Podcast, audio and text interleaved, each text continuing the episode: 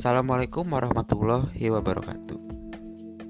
Perkenalkan, nama saya Muhammad Aditya Pratama dari kelas Manajemen A 2020 dengan nomor induk mahasiswa 203777. Di sini saya akan membahas mengenai relevansi ideologi Pancasila sebagai ideologi terbuka pada saat era revolusi industri 4.0. Pancasila merupakan dasar negara Republik Indonesia yang dijadikan acuan dalam kehidupan berbangsa dan bernegara.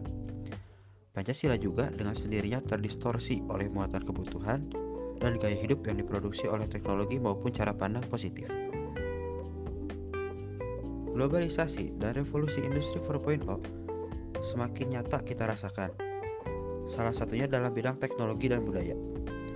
Perkembangan teknologi yang pesat memberikan dampak positif bagi kita dalam berkomunikasi, baik dalam negeri maupun internasional.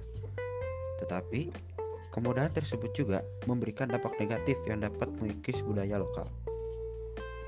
Selain itu, tindakan rasis yang, yang menyangkut SARA mudah memicu perpecahan dalam persatuan dan kesatuan bangsa, sehingga perwujudan sila ketiga dalam kehidupan bermasyarakat tidak dapat terwujud.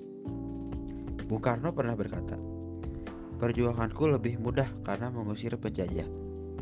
Perjuanganmu akan lebih sulit karena melawan bangsamu sendiri. Mungkin maksud dari omongan Karno tersebut benar adanya. Karena di era sekarang ini banyak masyarakat yang hanya menjadikan kemajuan teknologi industri 4.0 ini sebagai ajang untuk adu domba dalam kepentingan pribadi.